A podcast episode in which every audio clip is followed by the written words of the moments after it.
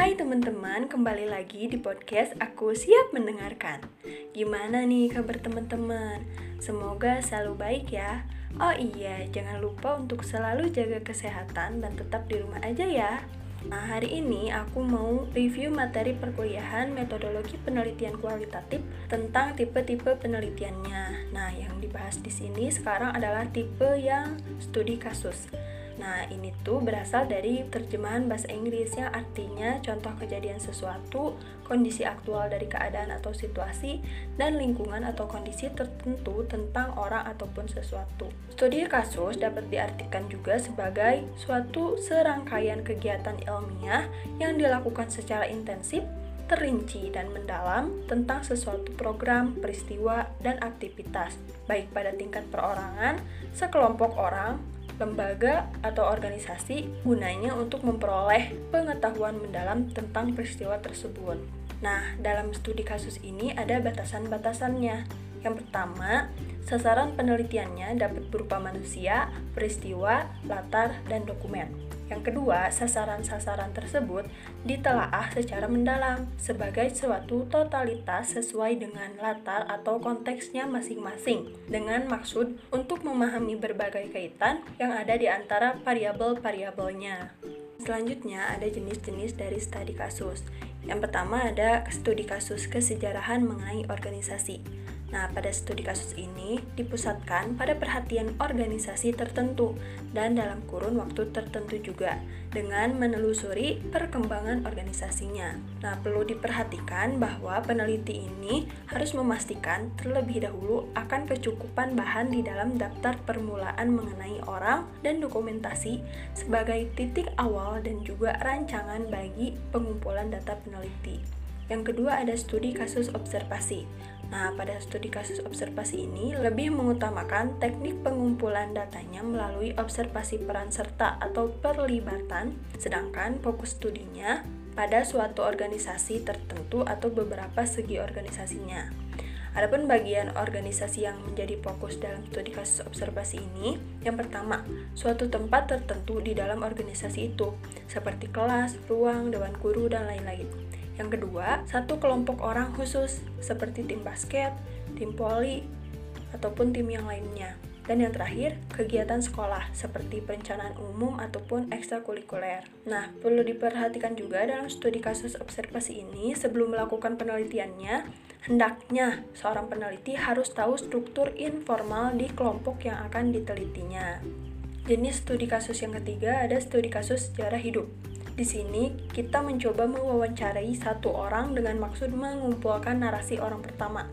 Nah, wawancara sejarah hidup ini biasanya mengungkapkan konsep karir, pengabdian hidup seseorang dari lahir hingga sekarang, masa remaja, sekolah, topik persahabatan, dan topik tertentu lainnya. Jenis yang keempat ada studi kasus kemasyarakatan. Di sini lebih dipusatkan pada suatu lingkungan tetangga atau masyarakat sekitar atau juga disebut sebagai komunitas.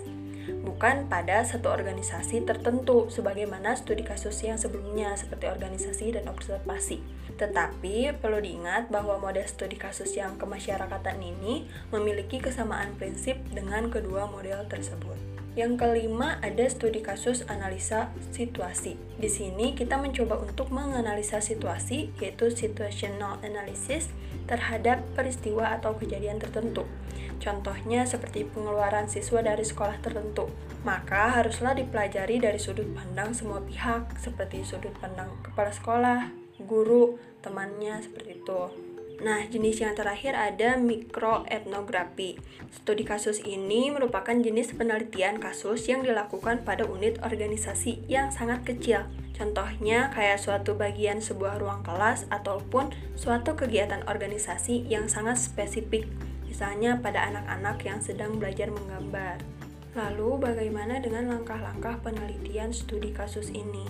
Yang pertama, ada pemilihan kasus. Nah, hendaknya dilakukan secara bertujuan dan bukan secara rambang. Nah, kasus dapat dipilih oleh peneliti dengan menjadikan objek orang, lingkungan, program, proses, dan masyarakat atau unit sosial.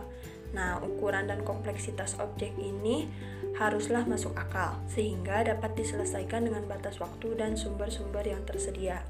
Yang kedua, ada pengumpulan data. Nah, terdapat beberapa teknik dalam pengumpulan data, tetapi yang lebih dipakai dalam penelitian studi kasus ini adalah observasi, wawancara, dan analisis dokumentasi. Nah, peneliti di sini sebagai instrumen penelitian dapat menyesuaikan cara pengumpulan data dengan masalah dan lingkungan penelitian, serta dapat mengumpulkan data yang berbeda secara serentak. Yang keempat ada analisis data. Jadi setelah datanya terkumpul, peneliti itu mulai mengagregasi, mengorganisasi, dan mengklasifikasikan data menjadi unit-unit yang dapat dikelola. Agregasi di sini merupakan proses mengabstraksi hal-hal khusus menjadi hal-hal yang umum guna menemukan pola umum data.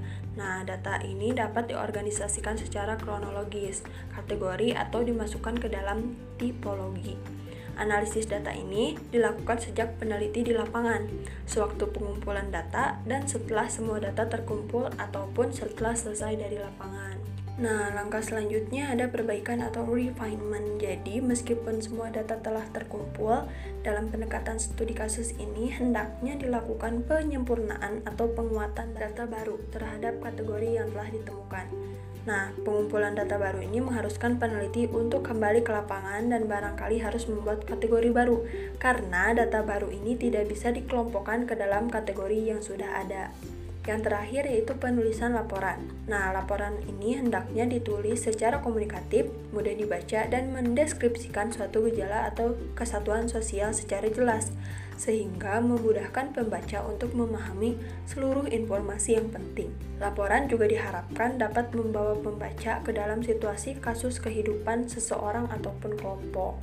Nah, studi kasus juga memiliki ciri-ciri penelitiannya. Yang pertama, menggambarkan subjek penelitian di dalam keseluruhan tingkah laku itu sendiri dan hal-hal yang melingkunginya dan lain-lain yang berkaitan dengan tingkah laku tersebut. Yang kedua, dilakukan dengan mencermati kasus secara mendalam dan berhati-hati. Yang ketiga, dilakukan karena cenderung didorong untuk keperluan pemecahan masalah.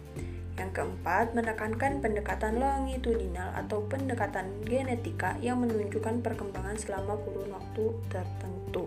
Nah, dalam studi kasus, peneliti mencoba untuk mencermati individu atau sebuah unit secara mendalam. Peneliti juga harus mencoba menemukan semua variabel penting yang melatar belakangi timbulnya serta perkembangan variabel tersebut. Nah, tekanan dari penelitian studi kasus ini ada beberapa. Yang pertama, Mengapa individu tersebut bertindak demikian? Apa wujud tindakan itu, dan bagaimana ia bertindak bereaksi terhadap lingkungannya? Konsekuensi dari studi kasus yang baik itu adalah bahwa studi kasus tersebut harus dilakukan dalam waktu yang relatif lama. Jadi, peneliti berusaha mengumpulkan data yang menyangkut individu atau unit yang dipelajari mengenai gejala yang ada saat penelitian dilakukan, pengalaman waktu lampau, lingkungan kehidupan, dan bagaimana faktor-faktor ini berhubungan satu sama lainnya. Nah, sebenarnya kebanyakan studi kasus dilakukan karena didorong oleh keperluan pemecahan masalah. Nah, ada studi kasus yang sangat terkenal yaitu yang dilakukan oleh seorang ilmu jiwa dalam yang bernama Sigmund Freud. Nah, Freud ini dalam penelitiannya didorong oleh keinginannya untuk memecahkan permasalahan kepribadian. Nah, contoh penelitian studi kasus ini ada yang pertama seorang psikolog yang meneliti seorang anak bermasalah di sekolah dan juga studi tentang perkembangan kognitif anak di daerah terpencil. Mungkin dicukupkan yang bisa aku sampaikan tentang tipe penelitian kualitatif yang studi kasus. Semoga bermanfaat. Jangan lupa untuk selalu mendengarkan podcast Aku Siap Mendengarkan. Sampai jumpa di episode selanjutnya. Bye bye.